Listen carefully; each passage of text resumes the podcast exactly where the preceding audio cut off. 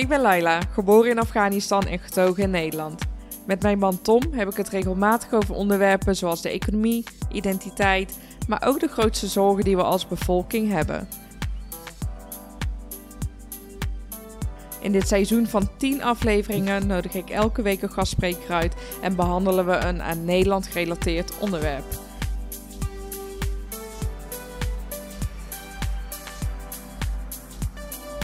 Welkom bij Nederkast, ga mee op reis en laten we Nederland samen ontdekken.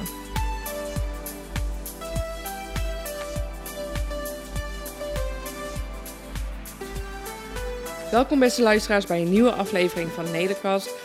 Tom, goed dat je er weer bent. Ja, nou ja, dan is tenminste een van de twee die dat vindt. Ah, nee, met alle liefde en plezier. Fijn. Ik ga vandaag naar Den Haag rijden. Ik ga namelijk naar Jan Latte. Jan Latte is hoofddemograaf geweest bij het CBS. Uh, en wij gaan het hebben over, wat denk je? Demografie? Ja, precies. wat vind je van dit onderwerp? Ja, mega interessant. Ja, waarom? Volgens mij is dit de studie van de bevolking eigenlijk, toch? Uh, bevolkingsopbouw, leeftijd, uh, dat soort zaken. Groei ook. Groei of krimp. Of krimp, inderdaad. En wat Waarschijnlijk voor, groei. En wat voor leeftijden en zo. Ja, dus, ik vind het wel interessant. Ik ook, voornamelijk omdat je over de groei bijvoorbeeld heel vaak negatieve dingen hoort, toch? Ik bedoel, we zitten met het huisvestingprobleemstuk. je hoort het over asielzoekers, dat het allemaal niet meer past. We zijn natuurlijk ook best wel dicht bevolkt in, uh, in Nederland. Dus ik ben heel erg benieuwd hoe een expert als Jan Latte er tegenaan kijkt. Ja. En uh, ik heb zin in het gesprek. Ja, daar kan ik me iets mee denken. Ik wil jou een fijne dag wensen en ik spreek je straks. Dankjewel. Jij ook. Veel succes.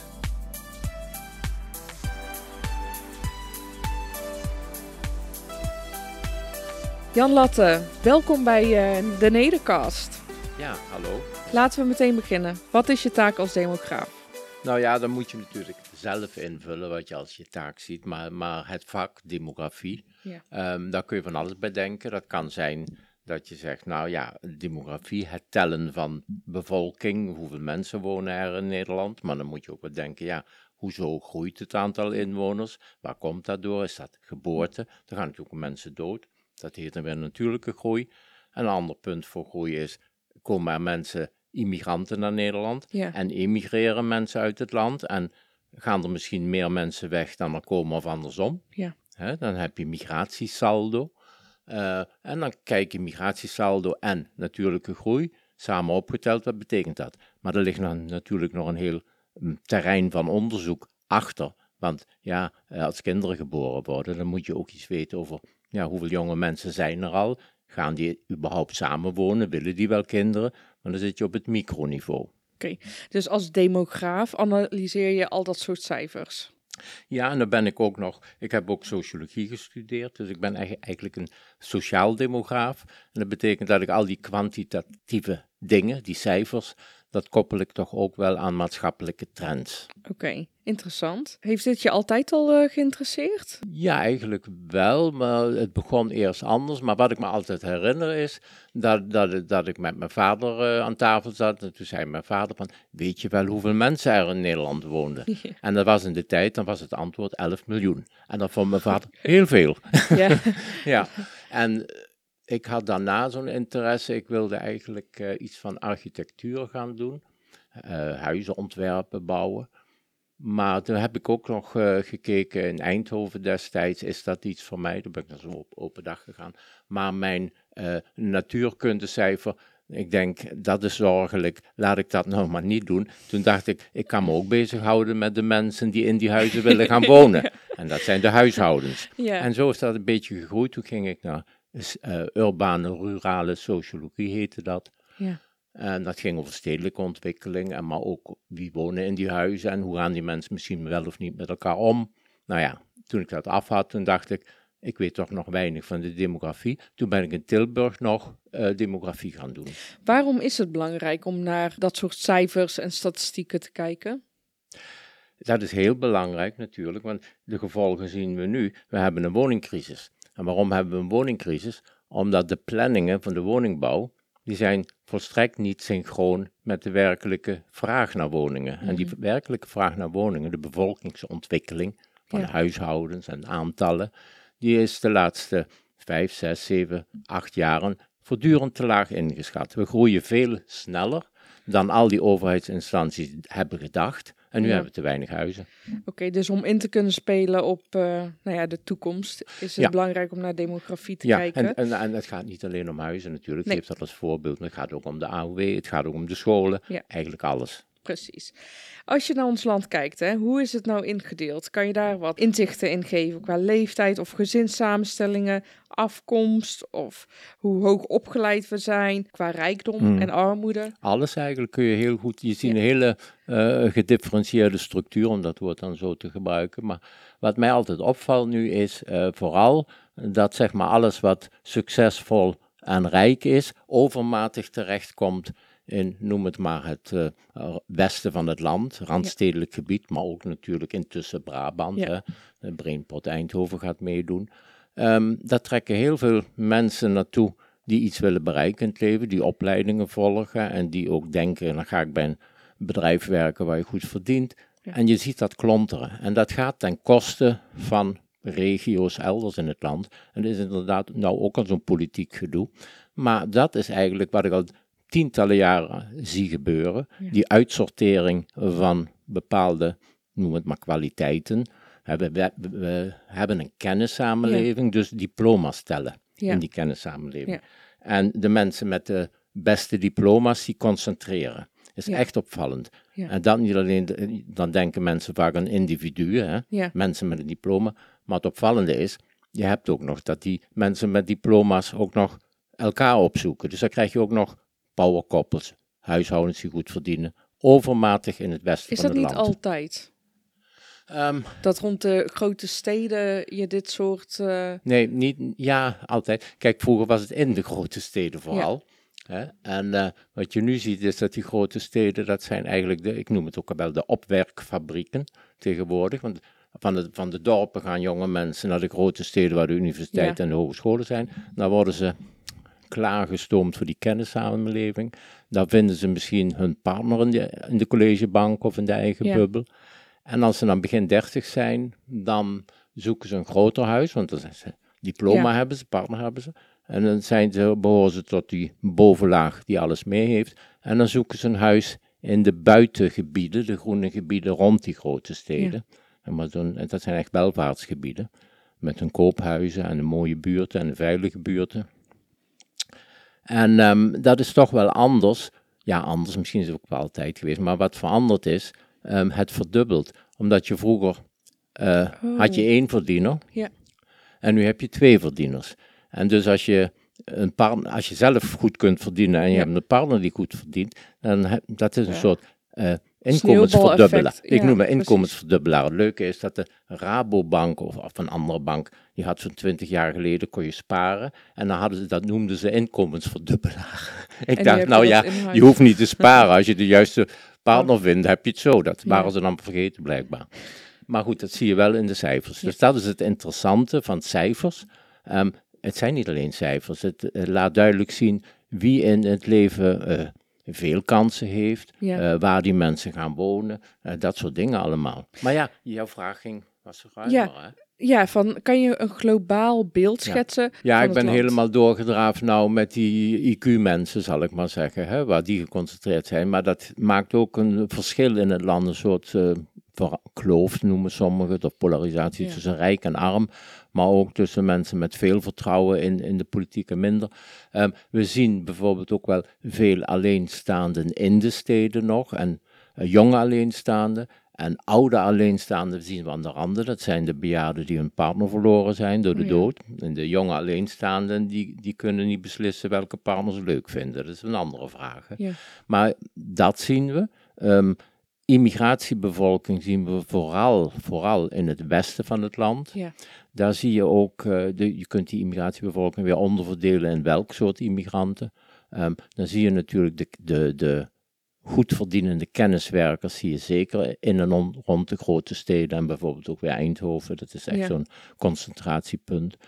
Ehm, waar kunnen we nog meer aan denken? Jong en oud. eh, doordat die jonge mensen voor hun, hun diploma's verhuizen uit die landelijke gebieden, zien we heel sterk eh, vergrijzing aan de randen van het land. Het is niet Ja. alleen dat daar mensen oud worden en die jonge mensen vertrekken. Dan Ja. hou je natuurlijk relatief veel oude mensen over. Ja. Die zitten, zeg maar, met z'n allen alleen op het bankje daar. Ja. Ehm, dat is een groot verschil. Voor de toekomst zie ik ook ehm, het probleem van tekorten op de arbeidsmarkt in de zin van ook verzorgenden. Dat speelt natuurlijk veel meer aan de randen van het land, omdat daar de jonge mensen weggaan. Ja. In het westen van het land eh, zie je zowel potentiële beroepsbevolking, zijn mensen die kunnen werken, dat neemt toe. Net als alle mensen toenemen, dus daar is dat probleem minder. Ja. Het probleem van tekorten aan werkenden zal vooral aan de randen gaan spelen. En als je, want je had het over de toekomst. Eh, als je naar de toekomst kijkt, nou ja, dat weten we natuurlijk al. Hè, daar hoef je geen demograaf voor te zijn. Maar er wordt een bevolkingsgroei voorspeld. Mhm. Eh, waar zit die groei precies in? Ehm, eigenlijk uitsluitend in, in eh, migratiesaldo. Want we, gaan, we hebben nu al jaren eigenlijk dat, dat er meer mensen overlijden dat, dan er geboren worden. Dus het is, ja, het zijn nog een paar jaren, dus nog net plus. Maar goed, het is ongeveer nihil. Als er geen migratie zou zijn, zouden we niet groeien en misschien ook wel krimpen. Dus een natuurlijke krimp zou dat zijn. In wezen wel. In Ja. wezen. En ik zeg wel eens, we, zijn, we lijken veel meer op China dan we beseffen. Want met anderhalf kind we, per koppel eh, gaan we richting China. En, en, en eh, we- voor China zien we een groot probleem. Eh, met, ze hebben ze geloof ik 1, 2, 1,2 kind nu. Maar dat wordt hier wel flink besproken. Hier in- Nederland niet. eh, wordt dat probleem niet besproken. En dat komt omdat de bevolking toch al groeit. Ja. Want je zegt voornamelijk door migratie. Hm. Wat betekent dat? Zijn dat, eh, wat voor, zijn dat vluchtelingen? Zijn dat arbeidsmigranten? Zijn dat... Nou ja, de motieven waarom mensen komen, die zijn eh, divers. En als, het kan ene jaar weer anders zijn dan het andere. Maar, maar groot, de grootste categorie is vaak gezinshereniging. Dat is een hele belangrijke. Dan arbeidsmigratie, die is ongeveer evenveel als eh, gezinshereniging. Ja. En dan krijg je ook nog eh, eh, asielmigratie. Eh, studenten is een hele belangrijke groep. En eh, dan is er nog een vage groep eh overig. Daar zit van alles in, bijvoorbeeld Ja. au pairs en zo. Maar je zei gezinshereniging. dat is heel, dat be- nummer heel één is. omvangrijk. En, en wat betekent dat, gezinshereniging? Ja, ik noem dat ook wel eens een soort kettingmigratie. Daar valt, valt van iedereen onder die zegt: ik haal een partner bijvoorbeeld uit het buitenland. Dat kan best een, een, een Nederland. Vakantieliefde zijn? Ja, een Nederlander met een vakantieliefde. Verliefd geworden op iemand uit Cuba, ik noem maar wat. Ja. Ehm, en ja, die moet, dan, ehm, die moet dan naar Nederland kunnen komen. Ja. En de motivatie is dan ja, getrouwd of, of samen Ja. of, eh, of wil trouwen. Ik weet niet, samenwonen of je dat, hoe je dat moet aantonen nu. Maar dan kun je een eh, vergunning krijgen om je hier te vestigen met, Ja. met huwelijk zonder meer. hè. Vakantieliefde. Maar het kan ook zijn een voormalige asielmigrant die eh, eh, een partner zoekt in zijn herkomstland. En dan komt die partner ook als eh, gezinsmigrant. Of, of eh, ja, eh, eh, kinderen Ja. bijvoorbeeld. Maar als je nou de kranten opent Hmm. en eh, je leest ook maar iets over bevolkingsgroei, dan is dat vaak, gaat het toch over vluchtelingen. Mhm. De stroom aan vluchtelingen die Ja. hier binnenkomen. Maar dat is dan eigenlijk dus niet eens een grootste groep. Ehm, nee, vluchtelingen op het motief vluchteling is niet de grootste groep. Ehm, het is wel een problematische groep natuurlijk. Oh, waarom? Omdat bijvoorbeeld als, eh, als Philips een ingenieur uit India haalt, Ja. dan is er een kennismigrant die Ja. op verzoek van Philips wordt hier naartoe gehaald. Dus Ja. dan is het van, wij hebben die ingenieur nodig, want anders draait de fabriek niet. Ja, Ehm, en dat levert voor de samenleving minder problemen op, is eigenlijk een winst. Een asielmigrant is niet per definitie winstpunt, want dat kan getraumatiseerd iemand zijn, dat kan iemand zijn die eh, eh, hier ook maar moeilijk werk vindt, die moeilijk kan integreren. Eh, ehm, ja, waar, waar leeft zo iemand van in de eerste jaren? Ja. Misschien bijstand, hebben een woning nodig, kan die zelf niet betalen. Kijk, die, die, die Philips-immigrant, zal ik maar even zeggen, die verdient genoeg om in de vrije sector een huurwoning Ja. aan te schaffen. dus de asielzoeker, de vluchteling bedoel ik, die is vaker een kostenpost. Is, is voor de samenleving in eerste instantie een kostenpost. Maar tillen we daarom zo zwaar aan? Of waarom wordt dat dan ja. vaker benoemd? Want, Nou, het, het, het wordt ook vaak benoemd. Het is niet alleen de kostenpost. Het is natuurlijk ook een vraag eh, in hoeverre eh, is er na verloop van jaren sprake ook van integratie. Want vaak Ja. komen de eh, vluchtelingen, moeten we niet vergeten, komen uit gebieden waar de, de, de normen en waarden het meest contrasteren met de onze. Ik wil niet zeggen dat juist die vluchteling ook die waarde heeft, maar ja, dat zijn onderzoeken van eh, World Value Studies, heet dat. En die hebben eh, alle landen op de wereld eh, vergeleken in hun ja, dominante waardepatronen. En wat je dan ziet is dat bijvoorbeeld de landen hier in Europa, waaronder Nederland, Ja. die zijn heel sterk gericht op zelf beslissen, individualisering, Ja. wat, hoe je moet leven, hoe je mag leven, vrijheid van denken, geseculariseerd. En daartegenover, echt voor alle landen van de wereld, de meest contrasterende landen zijn toch eh, de landen die erg leven van, je moet, of eh, de, de normen erg gebaseerd zijn op voorschriften uit heilige boeken, laat ik het Ja. dan even zo noemen. En dat is een hele andere mentaliteit. Dat is de mentaliteit, nee, je bepaalt het niet zelf, want ik ben heel volgzaam en volg de voorschriften. ja, En dat is niet altijd eh, passend eh, bij het waardepatroon zoals het ook in de grondwet staat. Dat iedereen gelijk is. Ja. Nou ja, dat is ook een, een, probleempunt. Los van economische eh, vraagstuk. Hè, maar dat kun je, trouwens, dat economische vraagstuk moet je ook concreet maken. Wat ik al zei met wonen. Hè. Waarom heeft de samenleving moeite met misschien asielmigranten? Omdat asielmigranten niet die woning zelf kunnen betalen. Het zijn niet de kenniswerkers.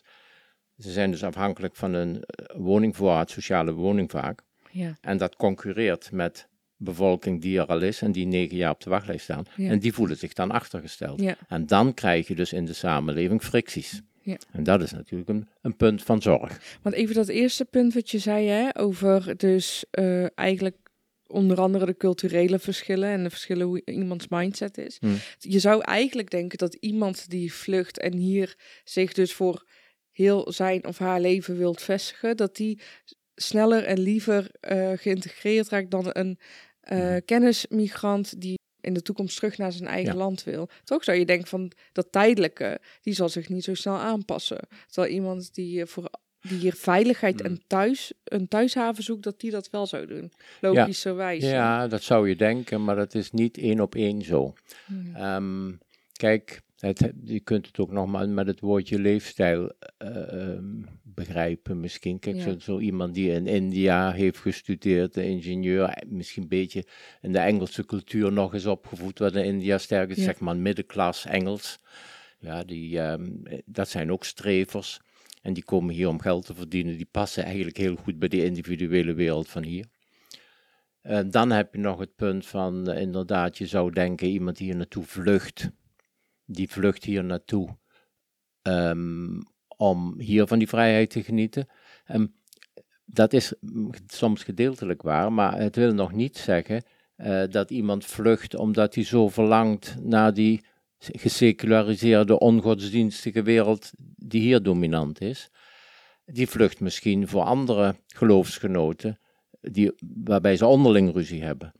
Ehm, dat is in veel brandhaarden het geval dat men elkaar nog naar een Ja. leven staat en dan vlucht een deel van de categorie eh, van, van die gelovigen, maar dat, Ja. zijn, dat zijn geen geseculariseerden. En die komen hier toch in een geseculariseerde samenleving terecht. Dat zou je ook niet, misschien niet denken, maar laat me het even eh, concreet benoemen. Nederland is een van de meest geseculariseerde landen van de wereld. Meer dan de helft van de bevolking eh, zegt dus, ik ben niet van een kerk, ik hoor niet bij een geloof. Ik bepaal zelf wel hoe ik moet leven. En dat is dus eigenlijk die, die grondwet van ons. We, we gaan met ons verstand bepalen wat goed en slecht is. Ja. En we volgen niet zomaar heilige boeken. En als we nou eh, even terug naar de bevolkingsgroei, hè? Eh, want dat lijkt echt wel een zorg van de Nederlander. Ik heb het idee dat dat constant in het nieuws, in de kranten, overal vermeld wordt. Hoe ziet die groei de komende, nou ja, laten we zeggen, tien jaar of tot 2050, misschien is dat makkelijker eruit. Is die groei echt enorm? Is die groei de komende eh, twintig jaar bijvoorbeeld groter dan de afgelopen twintig Ja. jaar? Is dat schrikwekkend? Nou, laten we even op korte termijn nu blijven. Ja. Dat, dat zegt veel, maar is ook misschien wel heel opgeblazen. Maar goed, we hebben eh, een, vorig jaar met de Oekraïners erbij, hebben we toch een, een, een influx, een instroom per saldo gehad van 230.000 nieuwe inwoners uit het buitenland die hier kwamen wonen. Ja. Per saldo is dat. Hè? Ja. En dit jaar eh, zou me niks verbazen als we ook weer naar 175.000 gaan. Dan komen we in twee jaar tijd op 400.000 in twee jaar tijd. Dat is natuurlijk enorm. Ehm, als dat zo zou blijven, dan zitten we in een aantal jaren met een miljoen meer inwoners. Ja. Nou, dan kun je op het briefje uittellen dat de woningtekorten enorm zullen oplopen, dat er overal tekorten ontstaan in de scholen, dat de, zeg maar, de fricties in de samenleving toenemen. En, dat is, en dan kom je op het punt van dat je kunt zeggen, nou, kan die samenleving dat wel aan? Nou, ik denk het niet, want het geeft alleen maar ruzie onderling tussen de mensen. En ehm, dus wat is nou de verwachting? is moeilijk te zeggen als je dit ziet als het zijn alleen deze twee jaren en dan wordt het vanzelf minder. Als je dat aanhangt, hè, dan zou je kunnen kijken naar de officiële prognoses van het CBS. En die geven dan aan dat we tot eh, 2050 nog 2 miljoen inwoners erbij krijgen. Maar dat, dat sommetje komt alleen maar uit als het migratiesaldo zou zakken in de loop der jaren naar zo'n 50.000 per jaar. Maar daar zitten we niet op. Lang niet. Maar even over dat saldo, hè? want ik Mhm. heb ook eh, op, eh, de website van CBS eh, gekeken en daar heb ik het volgende gelezen. Zodra asielzoekers zich hebben ingeschreven bij een gemeente, tellen ze als geïmmigreerde inwoner van Nederland. Inschrijven kan als ze een verblijfsvergunning hebben of minimaal een half jaar in de asielopvang verblijven. Mhm. Ehm, dus we tellen een persoon als geïmmigreerde inwoner van Nederland. Ook al is dat misschien niet zo. Ook al zi- zijn ze hier inderdaad een half jaar eh, in het asielopvang en gaan ze daarna terug. Dus dat kan natuurlijk wel een vertekend beeld geven. Waarom ik dit zo benoem, Jan, is omdat vooral in die tijd met eh, de oorlog eh, Oekraïne-Rusland, dat we al die asielzoekers eh, kregen, zeg maar, de kranten omschrijven dat echt alsof we overspoeld worden door vluchtelingen. Mhm. Terwijl, en dan lopen die cijfers dus, die CBS eh aantoont, lopen op. Maar dat, dat zijn niet allemaal inwoners van Nederland. Eh, niet iedereen blijft hier, toch? Snap je wat ik bedoel?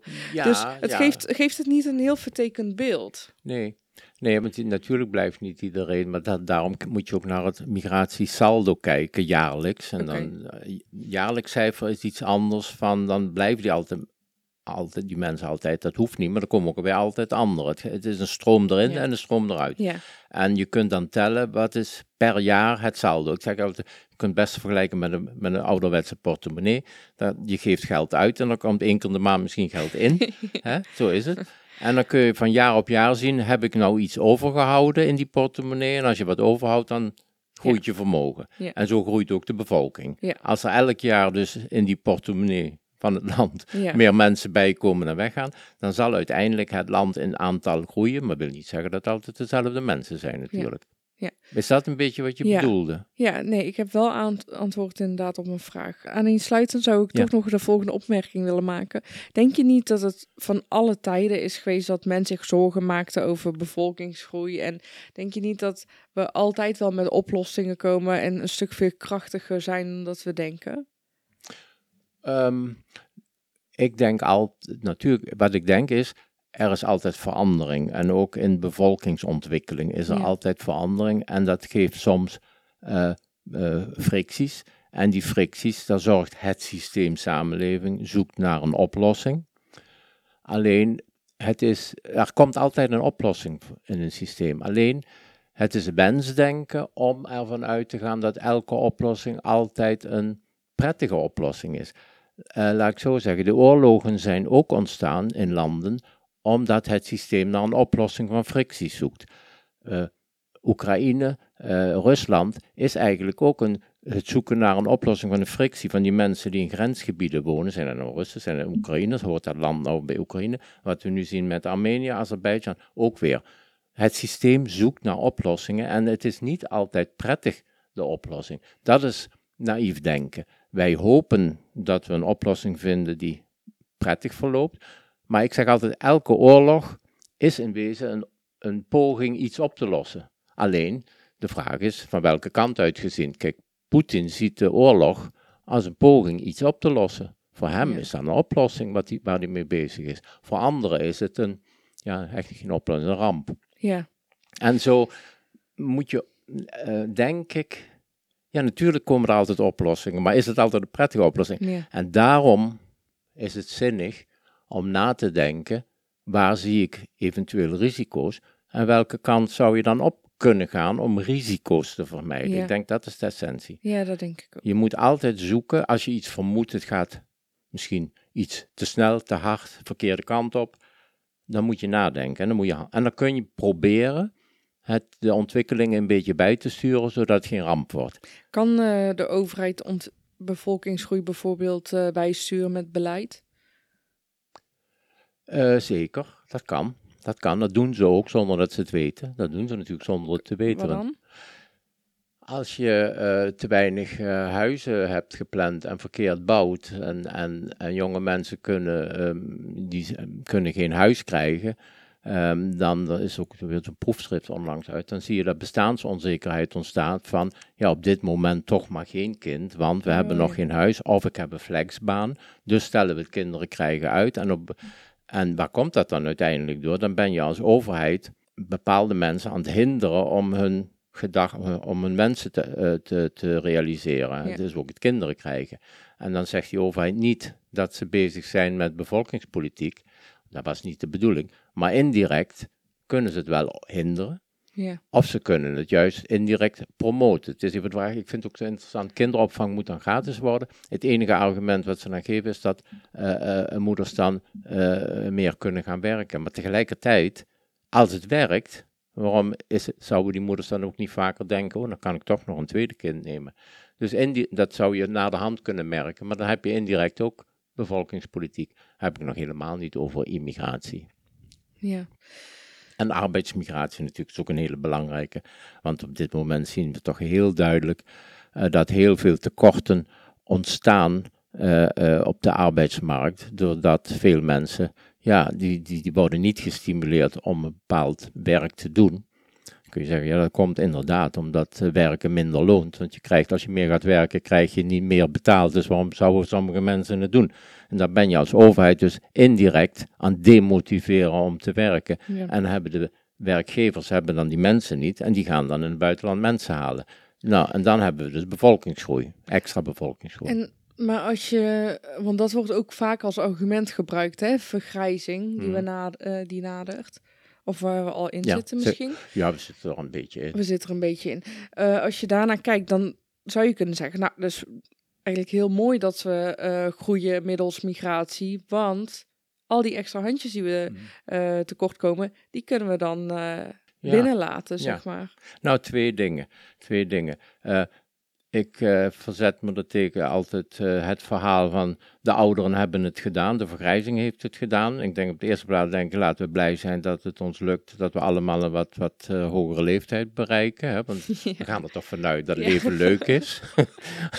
Anders zijn we het dan niet Mijn meer. leven wel, ja. Ja. nou ja, goed, dan ben je toch blij dat Ja. je ouder kunt worden. En laten we daar nou ook, laten we dat vieren, dat we in dit land gemiddeld toch een behoorlijke leeftijd halen. Ehm, het andere is, eh, dus ik geloof daar niet in. Ik denk dat veel meer het probleem is dat we te weinig nakomelingen hebben. Dat is het eerder. Maar, da- maar daar praat men niet over. Dat is echt een taboe. Dat is ook zo grappig. Dat is een taboe. Ik weet niet waarom. Je mag het wel vertellen over China, maar niet over Nederland. Even samengevat. Ehm, en het andere is over arbeidsmigratie. Ja, eh, ook in het debat gaat het vaak om. eh, moeten we meer arbeidsmigranten? Het gaat niet om meer. We hebben al arbeidsmigranten. En er is ook niemand tegen als arbeidsmigranten kunnen helpen. Dan hebben we ze nodig. Er is een eigen, eigen welvaart en welzijn mee gemoeid. Maar het gaat om de vraag hoeveel dan? En nog meer dan we al hebben. En wie dan? Dat is iets anders. Je kunt dat ook bijvoorbeeld matigen of eh, specifieker doen. En misschien eerst kijken wie hier in Nederland misschien nog gestimuleerd kan worden Mhm. om iets meer te doen. Dat is helemaal niet verkeerd. Dat blijkt ook uit al die debatten nu over toeslagen en bestaanszekerheid. Mensen worden eigenlijk, bepaalde mensen worden gedemotiveerd om de handjes te laten wapperen.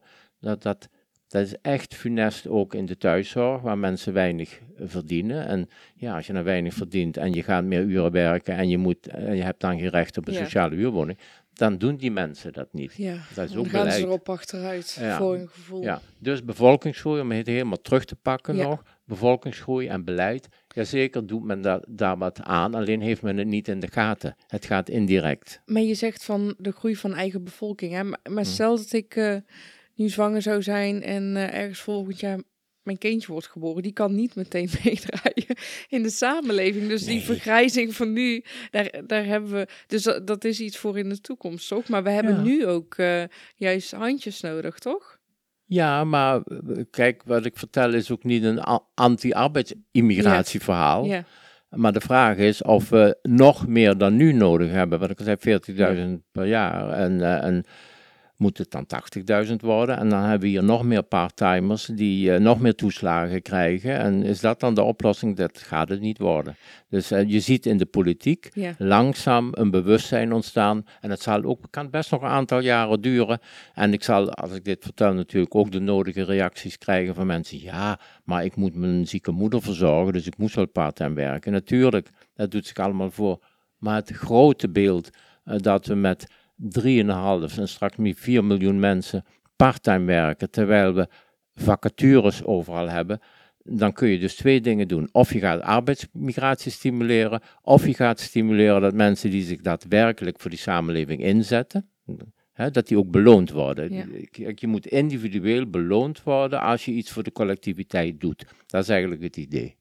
Ja, want we zijn volgens mij het land met de meeste parttime werkers. Voor, ja, Dus ja. daar valt heel veel te winnen. Heel veel. Nee, het is gewoon uitgerekend. Dus, eh PricewaterhouseCoopers heeft dat onder andere berekend. Die hebben gezegd dat als elke parttimer vier uur meer eh, gaat werken eh, per week, dan levert dat op jaarbasis evenveel, in kwantiteit evenveel als 400.000 fulltime banen. Nou ja, dan heb je Oh, dat al. is echt veel. Dat is toch? heel veel. Dat is heel veel.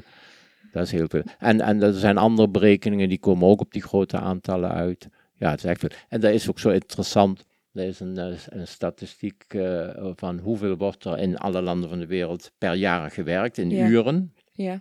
En dan denk je misschien eh, dat wij zo'n ijverig volkje zijn, maar dat zijn we helemaal niet. En dan blijken we op, op, op vier na zijn we de laagste score.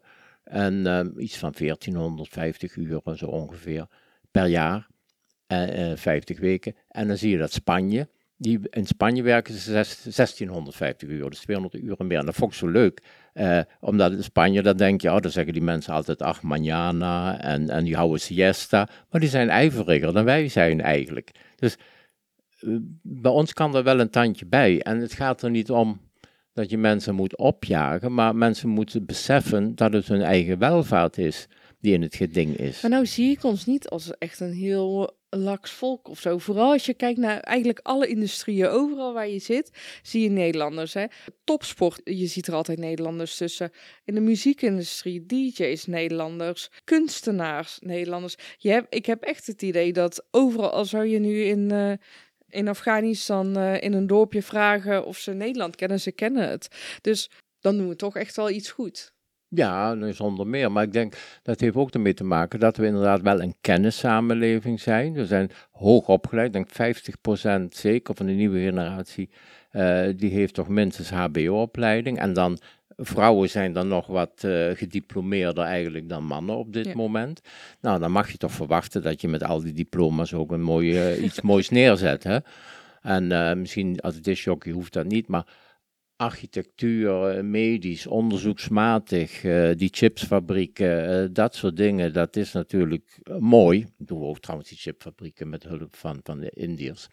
Ehm, eh, maar dat betekent toch niet dat je niet nog een tandje bij kunt zetten, ook in, in die andere sectoren waar zoveel hulp is. Want, want die tekorten, die doen zich ook voor daar waar echt eh, dienstverlening is. Wat ik al zei, de thuiszorg, de verpleeghulpen, de Ja. horeca.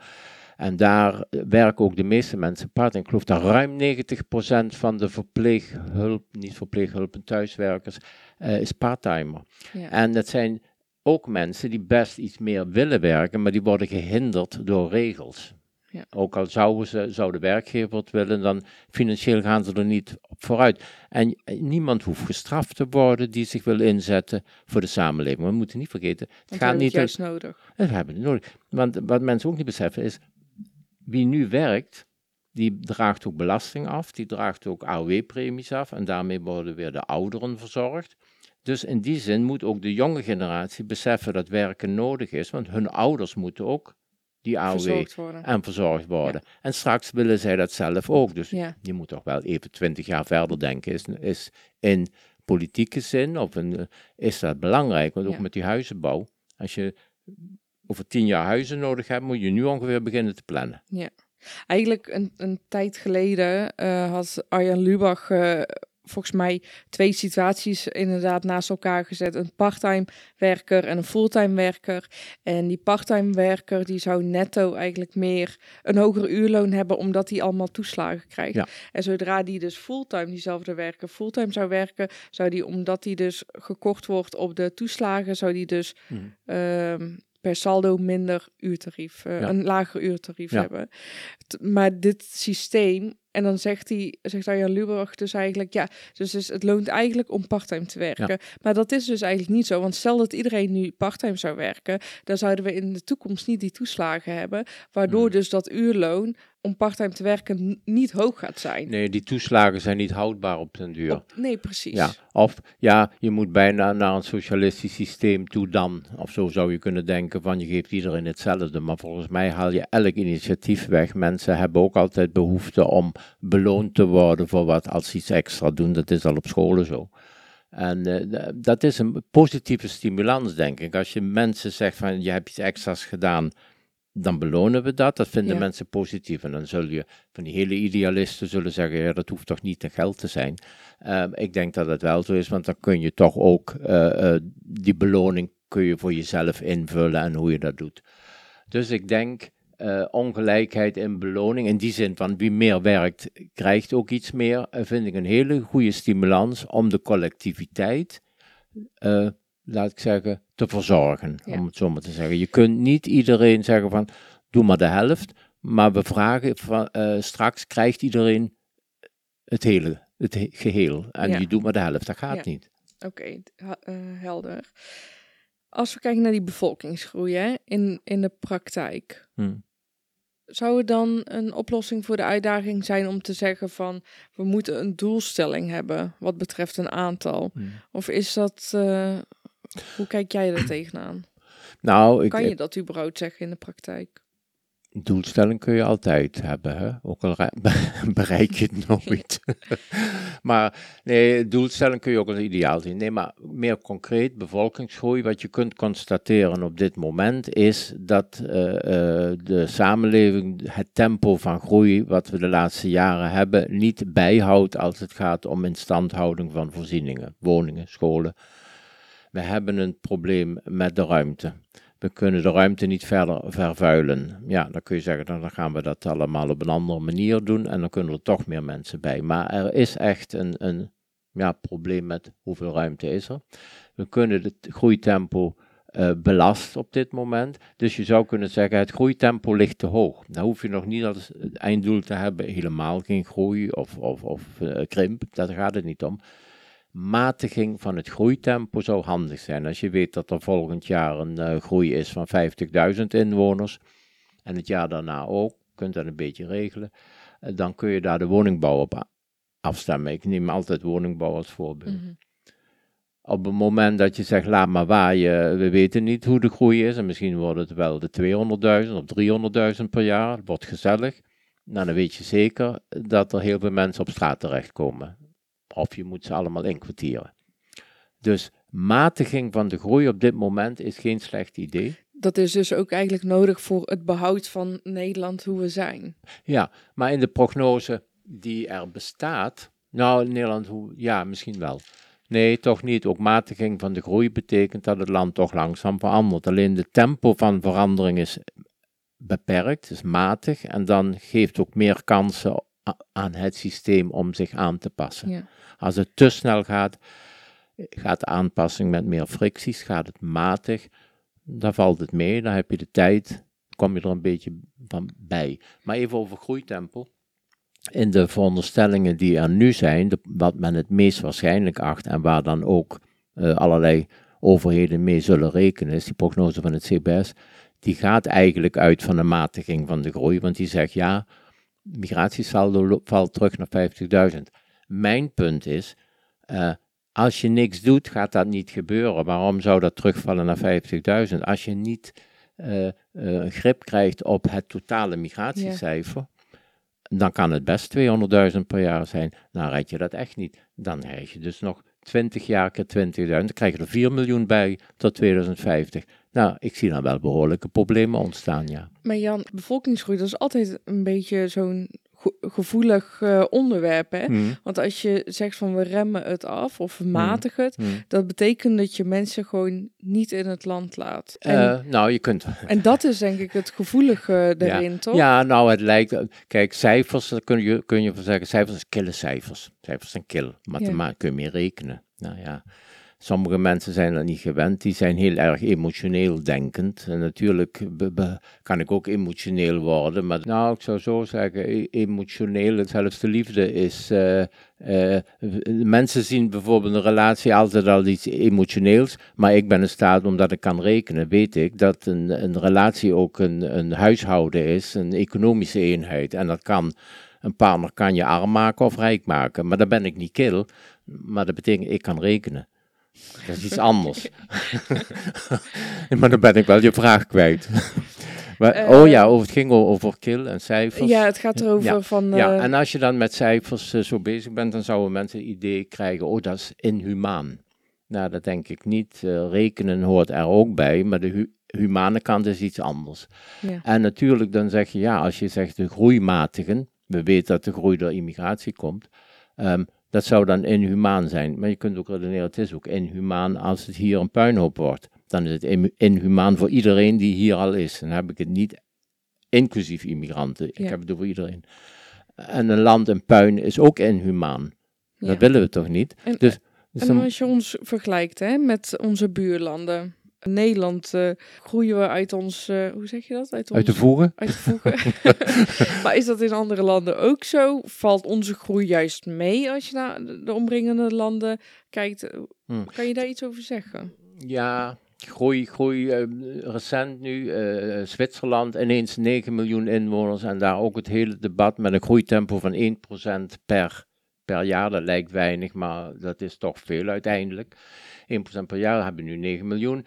Het debat gaat daar ook over hoeveel moeten we dan groeien en, en, waarom is dat? En, en eh, het is een politieke kwestie geworden. Eh, Engeland, ja, daar was ook de groei zo sterk door immigratie. Uiteindelijk heeft dat geleid tot, tot het uittreden uit de EU. Frankrijk, enorm, enorme groeifactor. Immigratie en kinderen van immigranten met eh, sociale gelaagdheid. eh, de hele strijd om de banlieues. Je ziet in alle West-Europese landen op dit moment dat er fricties ontstaan door het tempo van en de omvang van immigratie. Het gaat niet vanzelf en dan kun je zeggen, we vinden altijd wel een oplossing, wat we eerst zeiden. Het systeem zal altijd oplossen. Alleen hoe dan? Wordt het een prettige oplossing? Gaat het eerst met een conflict of kunnen we er al pratend uitkomen en worden we dan allemaal weer gelukkig of blijven we net zo gelukkig en welvarend als we zijn? Of houdt dat een keertje op en wordt dat dan de oplossing? En dat is eigenlijk wat ons, de ko- moeten we niet vergeten, dat, dat gaat de komende 10, 20 jaar de politiek in al deze Europese landen blijvend bezighouden. Dat is ook niet in één keer opgelost. Maar was dat in de afgelopen twintig jaar anders? Ja, het is wel anders geweest. En eh, de, de, de wereld is aan het veranderen. Het zijn glo- globale ontwikkelingen van continenten die, die tegenstrijdig zich ontwikkelen. Waar we zien dat eh, eh, Europa bijvoorbeeld inderdaad relatief veel meer oudere bevolking krijgt. Ja. We qua kindertallen. Ja, ik, chargeer natuurlijk een beetje, maar even voor de duidelijkheid. Dat we eigenlijk richting China gaan of Japan. Hè? En als je naar, met een krimp van de bevolking die er al is, dat zou de ten- tendens zijn zonder migratie. En dan heb je eh, Afrika met een enorme bevolkingsexplosie, want echt eh, eh, nog steeds vijf, zes kinderen per koppel, per vrouw. Dat zorgt voor miljarden extra inwoners komende tijd. Dus Daar is een enorme babyboom, staat daar voor de Ja. deur. En die babybooms zijn in 10, 20 jaar zijn die 20. En die hebben daar misschien geen werk. En die zien Europa. Ja. En, en dat zien we dus nu beginnen. Hè. Die bootjes eh, die van, van eh, Tunesië naar Lampedusa gaan, dat zijn de eersten die Maar willen is die komen. groei in Afrika niet enorm nodig om überhaupt welvaart te creëren? Ik bedoel, met, Nee. eh, met zo'n uitgestrekt landen die eh, Ja. zo dun bevolkt zijn, die kunnen natuurlijk nooit echt grote welvaart ontwikkelen. Daar Nou is ja. bevolkingsgroei voor nodig. Nou, dat zou je zeggen. De, de, de, de welvaart, ook in China, maar ook in, eh, bij ons, is toch ontstaan uit het feit eh, dat er voorzieningen waren waardoor ouders het niet meer nodig vonden om zoveel kinderen te hebben. Want die kinderen moesten vroeger voor de ouders zorgen. Maar toen kwam een overheid die dat deed. En er kwam Ja. AOW bijvoorbeeld in Nederland. Dus het idee dat je kinderen moet hebben die jou straks verzorgen, dat is een beetje weg. En dat is in China ook weg. Ehm, in China is een enorme economische groei gekomen, omdat daar werd gewerkt en ze hoefden dat geld niet eh, aan de opvoeding van hun kinderen uit te geven. Dan hadden ze één kind. Ja, en nu hebben ze te weinig. Dus nu wordt het een risico. En in Afrika, je kunt al die kinderen niet voeden. Dus wat daar moet gebeuren is eh, toch drastisch minder kinderen, maar tegelijkertijd een soort ontwikkelingshulp, waardoor overheden in staat zijn de, de ou- Afrikaanse ouderen van straks toch te garanderen dat ze best verzorgd kunnen zijn, ook zonder kinderen. Ja. Dat is het. En dat krijg je natuurlijk niet zomaar geregeld, maar dat is een heel ontwikkelingsproces. Waar we mee te maken krijgen op, op binnen 10 jaar, 20 jaar, is toch die enorme bevolkingsexplosie in Afrika. 3 miljard, dat is echt heel veel. Eh, dat kun je niet meer stoppen op dit moment. Dat, dat gaat ook niet stoppen, dat zijn de prognoses. Maar er is op de wereld wel een soort, je kunt zeggen, een soort disbalans ontstaan van één werelddeel wat eigenlijk zinkt in aantallen inwoners en het andere ontploft in aantallen inwoners. Hè. Dit is eh, twee glazen water, kun je zeggen. Het ene is leeg, het andere is vol. En dat zoekt balans. In het wereldgebeuren gaat, gaan die aantallen, de kwantiteit gaat echt tellen en die gaan evenwicht zoeken. En dat maakt dat we hier in Europa meer moeten tellen, rekenen, om te zorgen dat, dat het vrede blijft. Die, die, die klimaatverandering die gaat die mensen ook, ook aandrijven om te verhuizen. En een deel zal in Afrika zich verplaatsen, maar een deel zal ook uit Afrika naar hier zich verplaatsen. Dat is duidelijk. Er zijn ook studies die dat aangeven, maar dat kun je ook heel positief framen. Dat lukt mij nog niet zo goed, moet ik zeggen. Maar ik zag een, ik zag een, eh, een, een, een wetenschapsjournaliste die zei: Ja, en dan kunnen we allemaal nieuwe steden bouwen op Groenland. En ik weet niet waar allemaal. Die bracht dat heel positief. Dat valt altijd goed. Eh, ik, zie, ik zie daar problemen, omdat je dus eh, volksverhuizingen Ja. krijgt uit nood geboren. Hoe ga je daarmee om? Ik heb ook niet overal het antwoord op, maar ik zie wel de dreiging dat het ook conflicten kan opleveren. Als we toch naar die Nederlandse bevolkingsgroei Mm. kijken. Het is toch heel makkelijk gezegd van eh, die, die aantal terugdringen. Hoe, hoe doen we dat? Misschien is voor mij ook gewoon die bevolkingsgroei ook meer een emotioneel dingetje. hè. J- jij weet Jan dat, eh, dat ik gevlucht ben samen met Mhm. mijn ouders en eh, zussen en broers. En ik heb deze kans wel gekregen. En ik heb hier wel kunnen studeren, mijn man kunnen ontmoeten, kunnen werken, een huis kunnen kopen, een auto kunnen kopen. Me kunnen ontwikkelen en kunnen groeien. En dan denk je bij jezelf, of althans, ik denk dan bij mezelf, dat, dat gun je iedereen natuurlijk. Ook al weet ik dat dat niet kan. Het, voelt zo dubbel. Mhm. Ja, ik kan me goed voorstellen dat je dat zo voelt. Ehm, om, mensen zijn niet allemaal gelijk, daar begint het mee. Dat, dat zou ik me, zelf vroeg ik me dat vandaag, vanmorgen nog af. Kijk, ik ben toch ook al eh 70. En ik ken de statistiek en dan weet ik dat 1 op de 5 haalt, haalt die leeftijd helemaal niet. En dan denk ik, goh, ik ben toch maar weer eh, fit wakker geworden vanmorgen. En ik Ja. doe nog mee, ik kan gewoon van alles doen wat, waar ik zin in heb. Dus waar heb ik dat dan aan te danken? Dus ik kan niet anders concluderen. Ja, dat komt misschien door mijn ouders, maar ik, ik woon ook in dit land. Maar het ligt ook aan, aan het geluk dat mijn lijf het goed doet. Ja. Daar kan ik me niet voor schamen of zo. Nee, ik moet dat gebruiken. En dat doe ik dus nu bijvoorbeeld doordat ik met jou over dit soort problematieken praat. En ik denk, ja, ik heb daar deskundigheid in en dat breng ik over naar anderen. Ja. Kijk of ze het overnemen, weet ik is wat anders. Ja. Maar ik doe wel mijn best. Ja.